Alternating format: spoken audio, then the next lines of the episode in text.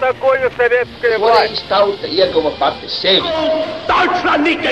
Liktenīgas nejaušības un slēptas likumsakarības, subjektīvas patiesības un objektīvi aizspriedumi.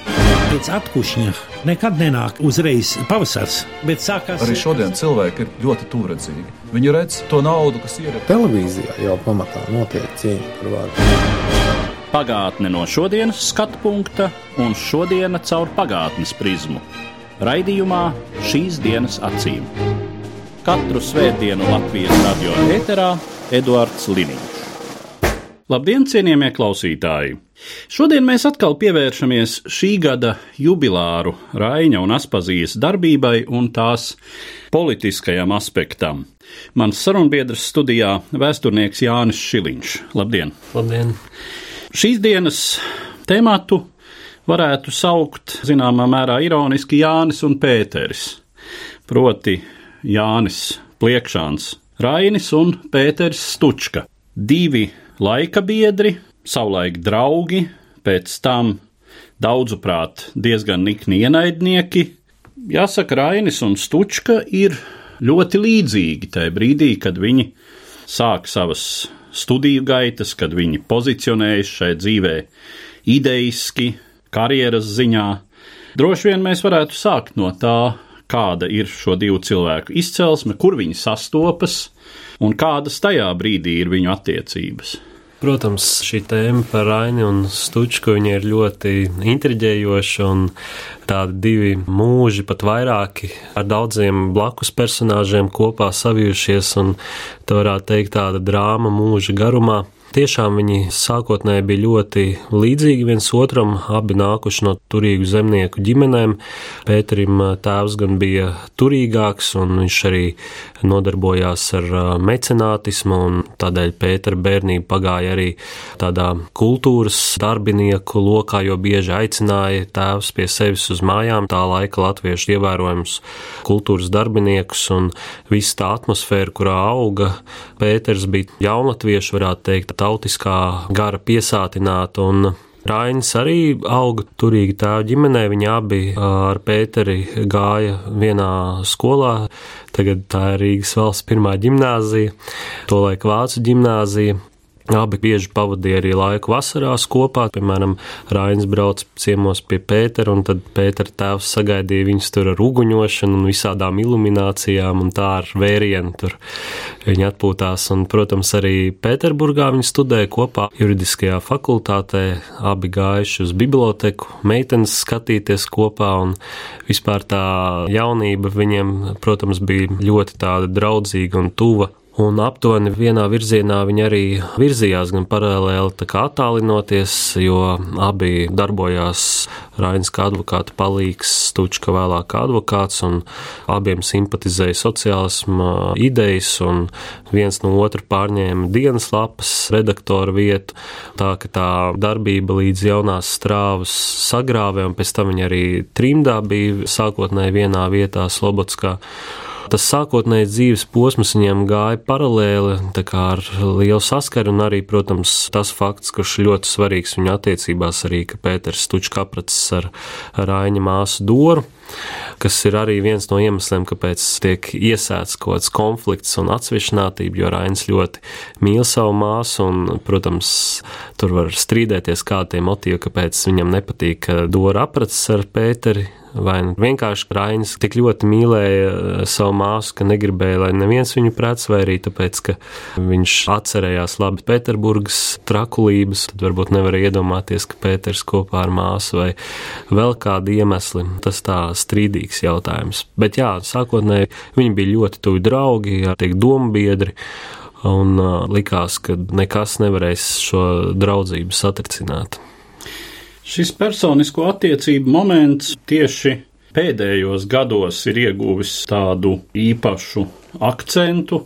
Protams, jubilejas sakarā ir interese par Rainu un arī par Aspazijas biogrāfijas detaļām, un jau pirms kāda laika iznākušais Roalda Dobrovenska romāns Rainis un viņa brāļi, kur autors arī runā par šo attiecību nozīmi Raina biogrāfijā, kā te viņa dzīves vadmotīvu.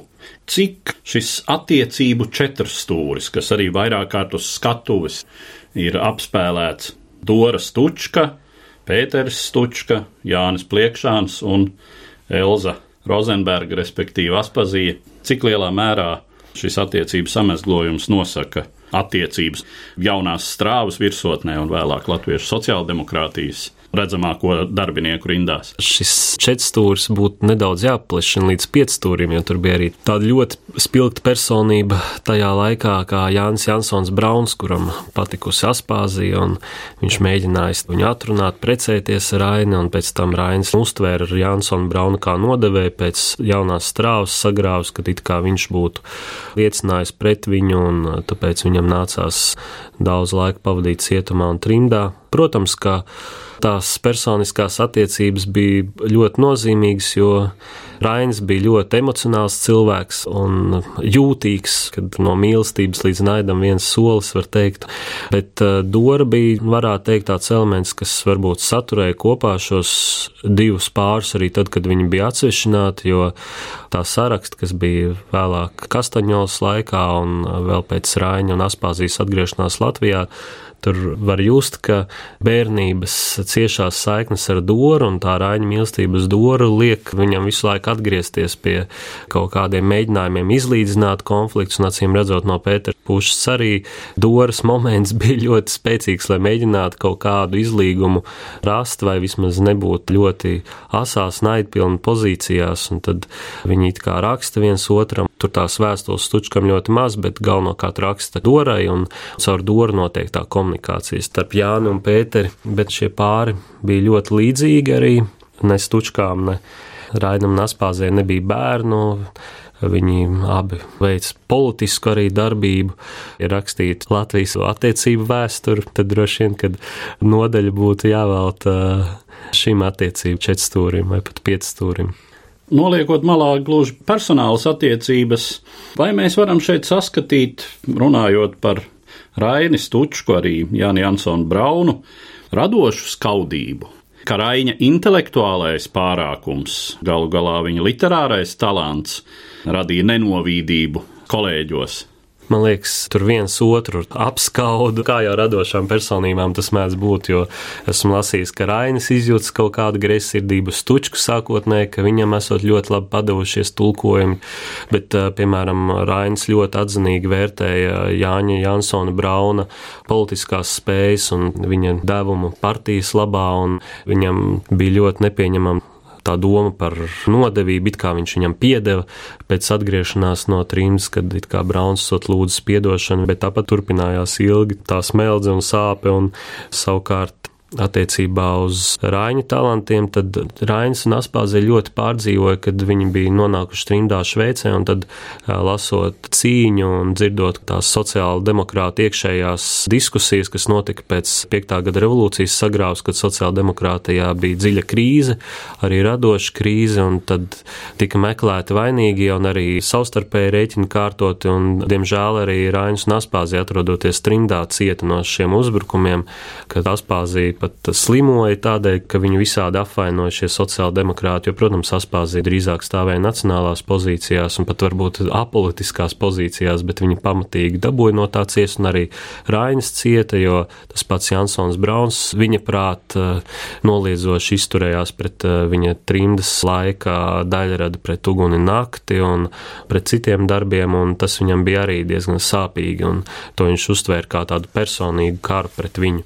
Iespējams, tāds sāpīgākais mirklis pienāca īsi pirms Rāņa atgriešanās Latvijā, 19. gada beigās, 20. gada sākumā, kad jau tā šķelšanās bija sasniegusi kulmināciju, ka katram vajadzēja pateikt, kurās pozīcijās īsti viņš stāv, un Rāņas izvēlējās neatkarīgo Latviju. Un tad padomju Krievijā dzīvojušie komunisti ļoti agresīvi uzbruka Rainim un viņa daļradēji, sevišķi Daugavai viņa darbam. Tur bija arī iespēja samierināties ar Pēteru Stučku, jo Pēters Stučka tomēr aizstāvēja Raini latviešu presē, kas iznāca padomju Krievijā no to laika Andreja Upīšu uzbrukumiem un vēlāk no citiem uzbrukumiem, aizstāvot viņu kā tomēr izcilu proletariātu un revolucionāru dzēnieku, it kā norobežoties varbūt no Raina tās politiskās darbības, bet uh, aizstāvot viņu kā dzēnieku. Atgriežoties vēl mazliet atpakaļ 19. gadsimta beigās, jaunās strāvas sagrāvas periodā, cik pamatot ir šie apgalvojumi par iespējamu, ja negluži denuncēšanu, tad pratināšanās nodotām ziņām, kas tad noveda pie Raina izsūtīšanas. To tik tieši laikam nav iespējams rekonstruēt, bet no acīm redzam, ka jāsaprot tā situācija, kāda tolaik bija 97. gadā, kad šos eh, jaunos cilvēkus arestēja un uz kārts bija viņu profesionālā karjera, un, un viņi vispār nebija gaidījuši, ka pret viņiem varētu būt kādas represijas, un it sevišķi vēl tik smagas represijas kā cietumsoda izsūtījumi un tā tālāk. Un es domāju, ka pilnīgi normāli un saprotam, ka kāds vēloties glābt savādu, varēja sniegt kādas liecības pret saviem it kā draugiem vai kolēģiem, ceļš ņemot vērā to, ka viņu savstarpējās attiecības arī tolaik vairs nebija tik labas, jo Rainis bija ļoti apvainojies uz Pēteru Stūčku gan Braunu par to, ka viņi, kā viņš uzskatīja, bija izēduši viņu no dienas lapas redaktora amata. Tas sākās vēl agrāk, vēl 94. gadā, kad jaunstrāvnieki mēģināja veidot revolucionāru organizāciju vai kaut kā organizēties, un tad viņi vēlot savus tos amatvīrus. Pēters Tučki ievēlēja kā priekšsādātāju, un Rainis bija tikai kasieris, un tas viņam tā kā arī bija nedaudz aizskaroši. Pats eh, Rainis bija pilnīgi pārliecināts, ka Jansons Brauns ir eh, liecinājis pret viņu. Viņš vēlāk pirms kara rakstīja vienu vēstuli Jansonam Braunam, kurā viņš atgādināja viņam, ka viņš taču esot cietumā jūtu uzplūdā, viņam pats atzinies, ka viņš ir eh, viņam uzkrāvis kaut kādas apsūdzības, jo bija skaidrs, ka Rainis dabūšot lielu sodu, un tad vismaz lai pārējiem būtu mazāki sodi. Starp citu, bija tāds uzskats arī, ka Pēters Stučka ir liecinājis pret uh, Raini, ko pats Rainis gan noliedz, bet tur bija citi sociāldemokrāti, kas bija pārliecināti, ka Stučka ir nelabi izturējies, bet es vēlreiz atkārtošos, ka tas bija ļoti tāds traģisks mirklis visā šī sociāldemokrātijas un jaunās strāvas vēsturē, kad tiešām cilvēki, kuri nebija gatavi kaut kādām represijām, pēkšņi viņus arestē, notiek ratīšanas, ļoti nopietnas apsūdzības. Rainis gandrīz arī salūst cietumā, un par laimi ir Aspāzija, kas viņu izglābj psiholoģiski smagajā situācijā. Tā kā tur bija gan pamats domāt, ka tiešām bijusi nodevība, gan arī pamats zinot tos psiholoģiskos pārbaudījumus un smagums, kurus viņam nācās iziet cauri Rainim, ka arī varēja būt dažādas aizdomas vai pārmetumi saviem it kā bērnības draugiem un cīņu biedriem cik agri iezīmējas kādas gluži idejas pretešķības. Šobrīd jau mēs vērtējam, raugoties no lielas laika distances, zinot, kas galu galā kļuva Pēters Stučka, ka zināmā mērā viņam var pārmest to, ka viņš būvēja padomju justīcijas sistēmu, uz kuras bāzes uzplauka Staļina represīvais mehānisms vēlāk. Savukārt Raina ceļš gluži cits, tomēr izšķiršanās par nacionālo ideju galu galā. Cik agri var būt iezīmējis šī ceļu šķiršanās idejas kā nozīmē? Atšķirības jau bija manāmas pat uh, vēl jaunās strāvas laikā, tikai toreiz viņas bija nedaudz citā rakursā, jo, piemēram, tajā pašā 1894. gadā, kad jaunstrāvnieks sprieda par to, kā būtu jārīkojas, pieaugot cara cenzūrai un jūtot spiedienu uz dienas lapu, tad, piemēram, Rainis bija tolaik pirms jaunās strāvas sagrāvis daudz radikālāks par stučku. Viņš uzskatīja, ka ir jāveic nelegāla propaganda, ir jāizdod nelegāls izdevums, un savukārt stučka, kurš bija daudz mērenāks tolaik, kā raksta, ka viņš drīzāk ir sevi redzējis kā tādu vairāk salonu sociālistu, jo viņš bija ļoti sekmīgs advokāts ar lieliem ienākumiem, un ka viņš varētu dzīvot tādu pilsonisku dzīvi, bet vārdos būt ļoti aktīvs at least Un šeit notika tāda neliela sadursme, jo tomēr jaunstrānieki izšķīrās par to, ka būtu jāveido legāls izdevums, un vēlāk trimdā arī tika veikts darbs, lai izdotu sociālistisku laikrakstu, un tās bija tās pirmās pretrunas, kas bija pretējas tam, kā tas vēlāk attīstījās, kad atrodoties jau Šveices trimdā pēc 5. gada revolūcijas, Raina idejiskā attīstība notika pilnīgi pretējā virzienā no tādām radikālām zemākām pozīcijām uz daudz mērenākām un tuvojoties nacionālajai pārliecībai. Pirmā pasaules karā laikā jau attīstot ideju par to, ka būtu jāveido savu valsts, kas bija pilnīgi nepieņemama tā sauktajiem sociālistiem, internacionālistiem, pie kuriem piederēja Pēters Stučs, kurš neko par kaut kādu patstāvīgu Latviju negribēja dzirdēt, ka tas nāktu par ļaunu revolūcijai un sociālismam kaut kādas patstāvīgas mazas valstiņas, un tur notika lielās šķelšanās, kas bija vispār raksturīgi sociāldemokrātiem, kuri ļoti ilgi centās uzturēt iekšējo vienību latviešu sociāldemokrātija līdz 18. gadā sašķēlās lielniekos un maziniekos, izveidojās Latvijas sociāldemokrātiskā strādnieku partija, kur tieši uzsver Latvijas sociāldemokrātiskā strādnieku partija, uzsverot to, ka viņi iestājas par neatkarīgu valsti, un savukārt otrs spārns - lielnieki, kurus vadīja Pēters Stučkum, kur tolaik arī bija ļoti ietekmīgi. Faktiski viņi apvienoja lielā mērā Krievijā dzīvojošo latviešu sociālistu ideālus, viņi iestājās tieši pretēji par to, ka Latvija ir jāpaliek Krievijas sastāvā un nekāda neatkarīga valsts nav vajadzīga. Un Rainis ļoti aktīvi arī darbojās, lai veicinātu pastāvīgas valsts veidošanos. Viņš Šveicē vadīja Latviešu komiteju un interesanti arī viņa sarakstē ar Pēteru Stučku, pareizāk rakstot Dorei, ka viņam nevar būt nekā kopīga ar Maskavu, jo viņi neatzīst Latvijas pastāvību un vispār darbojas pret latviešiem, pret latviešu nāciju, pret latviešu tautību, un ka viņš esot latviečs un viņš tur neko nevarot padarīt, un uh, tie, kas nīcinot ārā Latvijas pastāvības ideju, ka viņam nekas kopīgs ar viņiem nevar būt. Tā, tā bija tā lielās šķelšanās galvenā pretruna. Lai gan pats Rainis Protams, ja tā mēs tagad skatāmies no mūsdienu pozīcijām, droši vien, ka tas viņa sociāla demokrātisms bija ļoti, ļoti mērens. Viņš gan pats droši vien uzskatīja citādāk, ka viņš ir varbūt pat ļoti radikāls. Pēc tam vēlāk arī Stučka viņu aizstāvot rakstīja, ka Rainis tik ilgi dzīvojis izolācijā un nošķirtībā no notikumiem Latvijā un Krievijā, ka viņam nevajadzētu pārāk bargi pārmest to, ka viņš ir lūk atsvešinājies no lielnieku spārna. Lai gan, protams, tur bija vairāk personiski motīvi, kāpēc Stučka mēģināja ar Ainu tuvināties. Kurā brīdī pats Pēters Stučka kļūst par bolševiku? Manuprāt, tomēr pirms 1918. gada.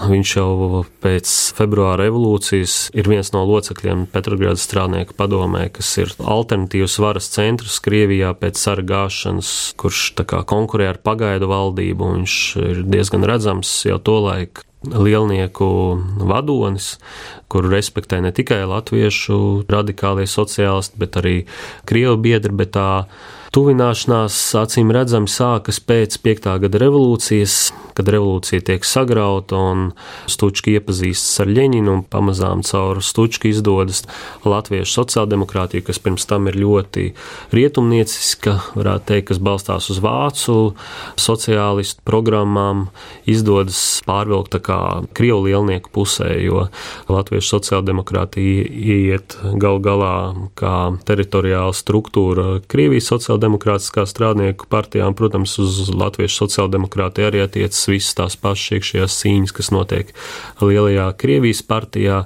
Un, zināmā mērā latviešu sociāldemokrāti ir autonoma, viņa cenšas saglabāt iekšējo vienību un nešķelties, bet uh, Stūčka ir viens no šiem pārliecinātajiem Ļeņina sekotājiem, kad uh, viņš daudz radikālāk šo politiku grib īstenot nekā citi viņa biedri. Mums varbūt būtu jāatgādina klausītājiem, kas ir tās būtiskās atšķirības un kas ir tā idejiskā bāze, uz kuras tad notiek šķelšanās Krievijas sociāldemokrātijā jau 20. gadsimta sākumā. Šķiet, ka izšķirošais ir partijas kongress 1903. gadā, kad sadalās šīs divas frakcijas, bolševiki un menševiki, kur ir tā idejisko pretrunu būtību un par ko tad izšķiras Pēters Stučka kļūdams par bolševiku? Nu, tā vienkāršot sakot, tā sauktiem mazinieki, menševiki iestājās par evolucionāru attīstību, kas vispār bija ļoti populāra Rietuma Eiropā, ka viņi uzskatīja, ka ir nepieciešams pakāpeniski ar reformu palīdzību, caur parlamentāru darbību, demokrātiskā ceļā panākt sociālismu ideju īstenošanu politiskajā realitātē. Un savukārt lielnieki Ar Ļeņinu priekšgalā viņi uzskatīja, ka ir jāveido kaujas partija, kuras mērķis ir bruņota cīņa, tā sauktā proletariāta diktatūra, tātad pēc revolūcijas sagrābjot savās rokās diktatorisku varu, nepieļaujot nekādu demokrātiju, tādā mūsu izpratnē vienpartijas sistēma, kura īsteno pati bruņotā ceļā visas reformas, kuras ir nepieciešamas arī ar terora palīdzību, ja tas vajadzīgs ar vardarbību, lai pēc iespējas ātrāk panāktu sociālismu uzcelšanu. Un šī ziņā Pēters Stučka bija ļoti pārliecināts lielnieks, kad viņš nonāca Latvijā 19. gadā, tad viņš tieši tā arī rīkojās ar savu valdību, veicot ļoti nežēlīgas, radikālas pārmaiņas, nevairoties arī no savu politisko ienaidnieku iznīcināšanas, sabiedrības motivēšanas arī ar dažādām terora metodēm, lai ātrāk īstenot sociālismu pārkārtojumus. Rainis būdams Šveices trimdā, cik daudz viņš zināja par to, kāds ir šis Stučkas padomju Latvijas projekts, ja mēs tā to varam dēvēt. Kā jau es minēju, tad uh, Rainis dzīvoja diezgan lielā izolācijā. It sevišķi no Krievijas bija problēmas saņemt arī vēstules. Viņa galvenais informācijas avots bija prese. Viņš gan aktīvi sarakstījās ar citiem sociāldemokrātiem, tā ka viņam kaut kādi priekšstati bija par to, kas notiek.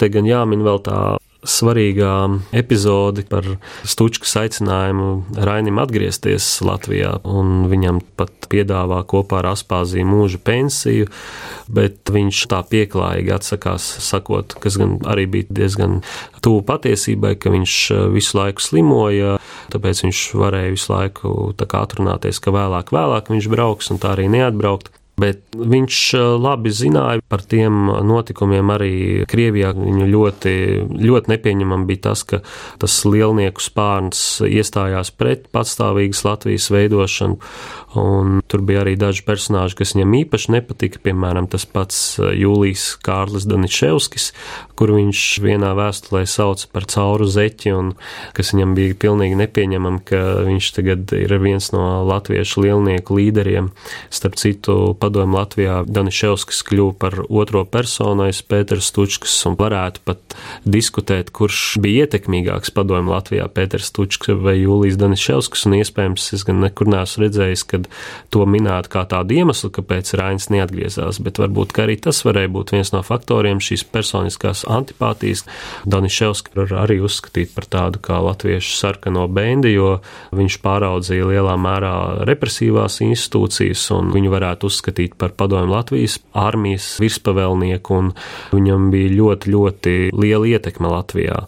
Tik tālu par attieksmi pret um, padomju Latviju 19. gadā kā politisku un ģeopolitisku veidojumu, bet runājot par Raina attieksmi pret šīm piesauktajām bolševiku ideoloģijas pamatnostādnēm, ko Rainis domāja par vispasaules revolūcijas ideju, par uh, to pašu proletariāta diktatūru, par šo varas sagrābšanu un varas uzturēšanu ar represīviem, totālas kontrolas līdzekļiem.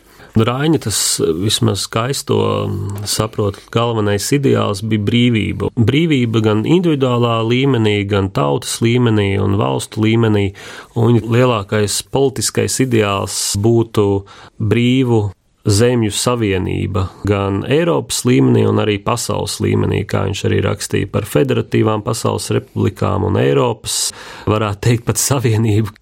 Viņam galīgi nevarētu pārmest, ka viņš atbalstītu kaut kādas terora metodes un vardarbību. Gluži pretēji, viņš bija diezgan pārliecināts demokrāts. Nevelti viņš arī atgriežoties Latvijā, uzreiz piedalījās satversmes sapulces vēlēšanās, proletariāta diktatūra. Es neesmu īsti tā saskāries, ka viņš kaut kur par to runātu. Man liekas, tas viņam bija ļoti tālu. Par Raina darbību Latvijas Republikas periodā, par šo viņa politiskās dzīves pēdējo posmu mēs runāsim citā raidījumā.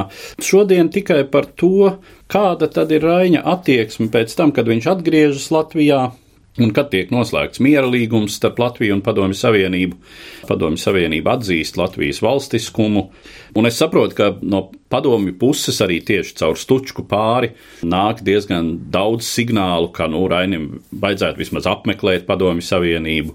Padomju Savienībā to brīdi dzīvo arī ļoti daudz latviešu, notiek aktīva latviešu kultūras dzīve, un Galu galā mēs zinām, ka citi latviešu literāti tādās kultūras sakaru vizītēs apmeklē Padomju Savienību. Kaut vai tas pats Kārlis Skalbe, kuram daudz mazākā mērā varētu pārmest kādas propadomju simpātijas. Kāda ir Raina attieksme pret Padomju Savienību un tur notiekošo, un kādas ir viņa attiecības ar tiem latviešu sociālistiem vai komunistiem jau tajā brīdī, kuri darbojas šeit Latvijā, un bieži vien arī nonāk konfliktā ar Latvijas tiesību sargājošajām institūcijām, tiek sēdināti cietumos.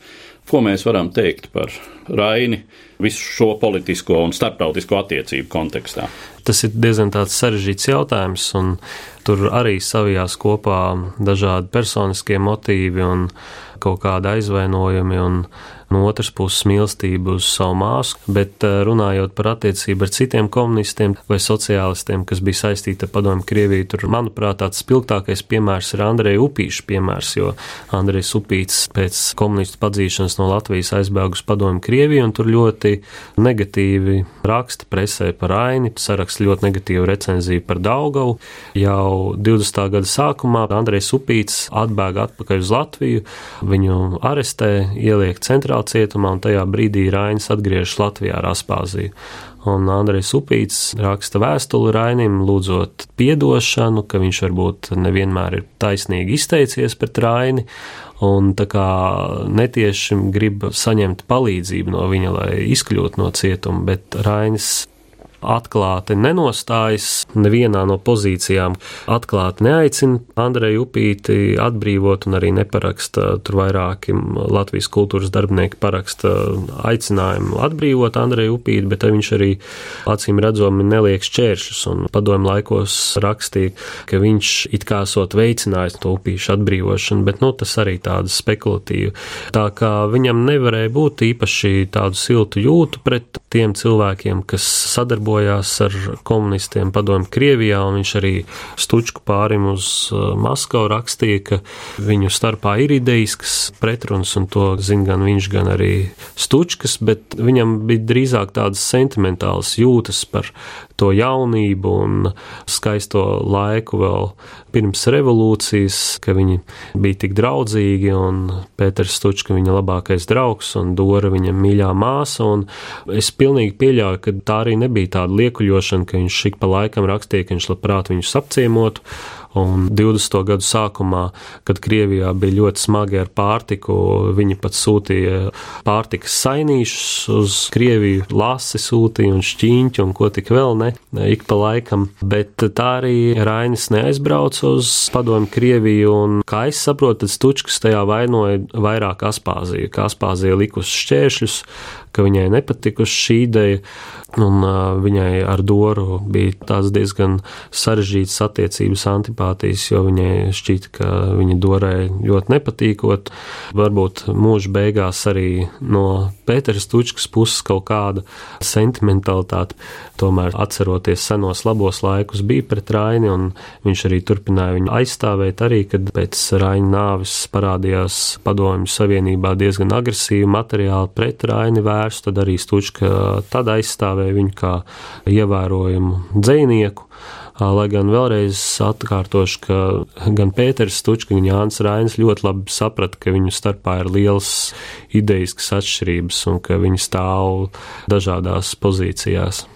Ko par Raņa un Stučkas attiecībām pauda padomju oficiozā vēstures interpretācija chronoloģiski sākot 20. gados, kad Padomju Savienībā dzīvoja ļoti daudz latviešu komunistu, tad tā attieksme bija diezgan negatīva. Daudz uzskatīja kā nodevēju Raini, ka viņš nav atgriezies Padomju Latvijā un ka viņš ir nodevis komunismu ideju vai vispār sociālismu ideālus un pārdevies buržāzijai, bet vēlāk, kā mēs ļoti labi zinām, tad uh, Rainis kļuva par vienu no, varētu teikt, pat ikoniskām personām padomju laikos izdeva viņa kopotos rakstus, un uh, viņam piešķīra titulu tautas dzēnieks. Visādi viņu godināja un uzskatīja par vienu no tiem ievērojamiem cilvēkiem, kas ir likuši pamatu sociālismam Latvijā, kas arī lielā mērā atbilst patiesībai, jo atcerēsimies to pašu Raini slavenot čemodāniņu. Starp Raini un Stuču, kad neuzsvēra viņu šo konfliktu un pretējās pozīcijas, kurās viņi atradās, kad it kā varbūt apstākļu tā nostādīja viņus, un tad šīs ideiskās pretrunas un it sevišķi vēl tie personiskie antipātijas tās tika tā kā izdzēstas, un tad tas stāsts par Jāni un Pēteri bija daudz tāds glancētāks un, un mīļāks. Un attiecīgi šobrīd pavisam citādi skatoties uz nacionālās un sociālās idejas attiecībām, liekam citus akcentus. Un ar to mēs arī noslēdzam mūsu šodienas sarunu, kas bija veltīta Raina attiecībām ar Pēteru Stučku un Raina un Aspazijas attiecībām ar latviešu radikālo sociālismu, latviešu lieliniecismu, un es saku paldies manam sarunbiedram, vēsturniekam Jānim Šiliņam. Katru svētdienu Latvijas radio viens par pagātni sarunājas Eduards Līniņš.